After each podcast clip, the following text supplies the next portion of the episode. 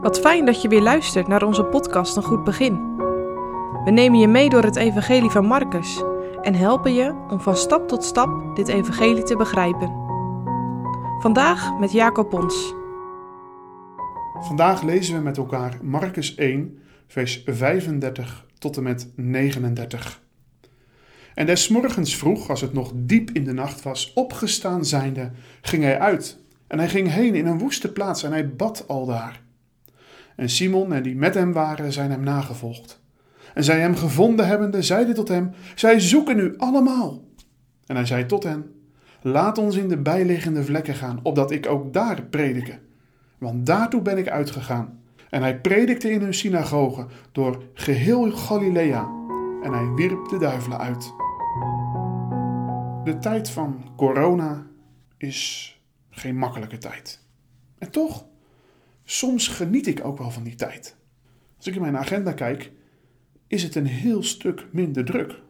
Hoewel, soms heb ik de ene videobelafspraak nog niet achter de rug of de volgende staat alweer klaar. Maar vooral de avonden zijn veel minder druk. Geen, of in elk geval veel minder sociale verplichtingen. En toch, ik heb niet het gevoel dat ik het minder druk heb. Soms denk ik wel eens, hoe heb ik dat voor de coronatijd volgehouden met zoveel afspraken in mijn agenda? Ik moest daar ook aan denken toen ik dit Bijbelgedeelte las. De Heer Jezus was druk bezig geweest. Hij heeft zieken genezen, hij heeft duivelen uitgedreven en de hele avond was hij druk in de weer geweest. En ik kan me voorstellen dat het laat is geworden. En de volgende morgen? Nee, de Heer Jezus slaapt niet uit. Nog voordat de zon opkomt, gaat hij naar buiten.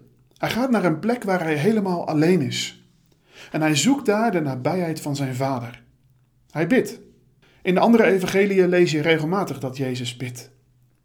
In Marcus lees je dat wat minder, maar het feit dat Marcus dat in het eerste hoofdstuk al noemt, laat zien hoe belangrijk het was voor de Heer Jezus om te bidden. Er staat niet bij wat hij gebeden heeft.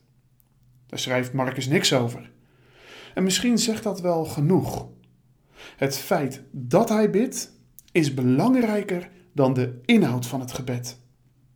De Heer Jezus zoekt de nabijheid met zijn vader. Hij zoekt het gezelschap van zijn vader.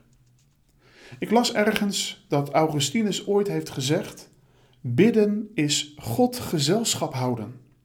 Hij gaat tot zijn vader omdat hij hem nodig heeft. De Heer Jezus geeft jou en mij een heel indringend voorbeeld. Een leven zonder gebed, een leven zonder de nabijheid van de Heer, een leven zonder het gezelschap van de Heer, zoals Augustinus dat zegt, is een, een doodsleven, een dor leven. Dan lijk je op een plant die geen water meer krijgt. Of je lijkt op een mobiel die nooit opgeladen wordt. Ik weet niet hoe dat bij jou zit, maar als ik het heel druk heb, dan schiet het gebed er bij mij wel eens bij in. Zonder erbij na te denken ben ik dan alweer bezig met allerlei andere dingen en allerlei afspraken. Maar de Heer Jezus laat hier iets heel anders zien. Ik las een prachtige zin. Hij is te druk om niet te bidden. Laat dat eens tot je doordringen. De Heer Jezus is te druk om niet te bidden. Hoe druk heb jij het? Heb je de Heer nodig? Misschien ligt daar wel jouw en mijn grootste haper. Want we kunnen zo makkelijk leven zonder de Heer.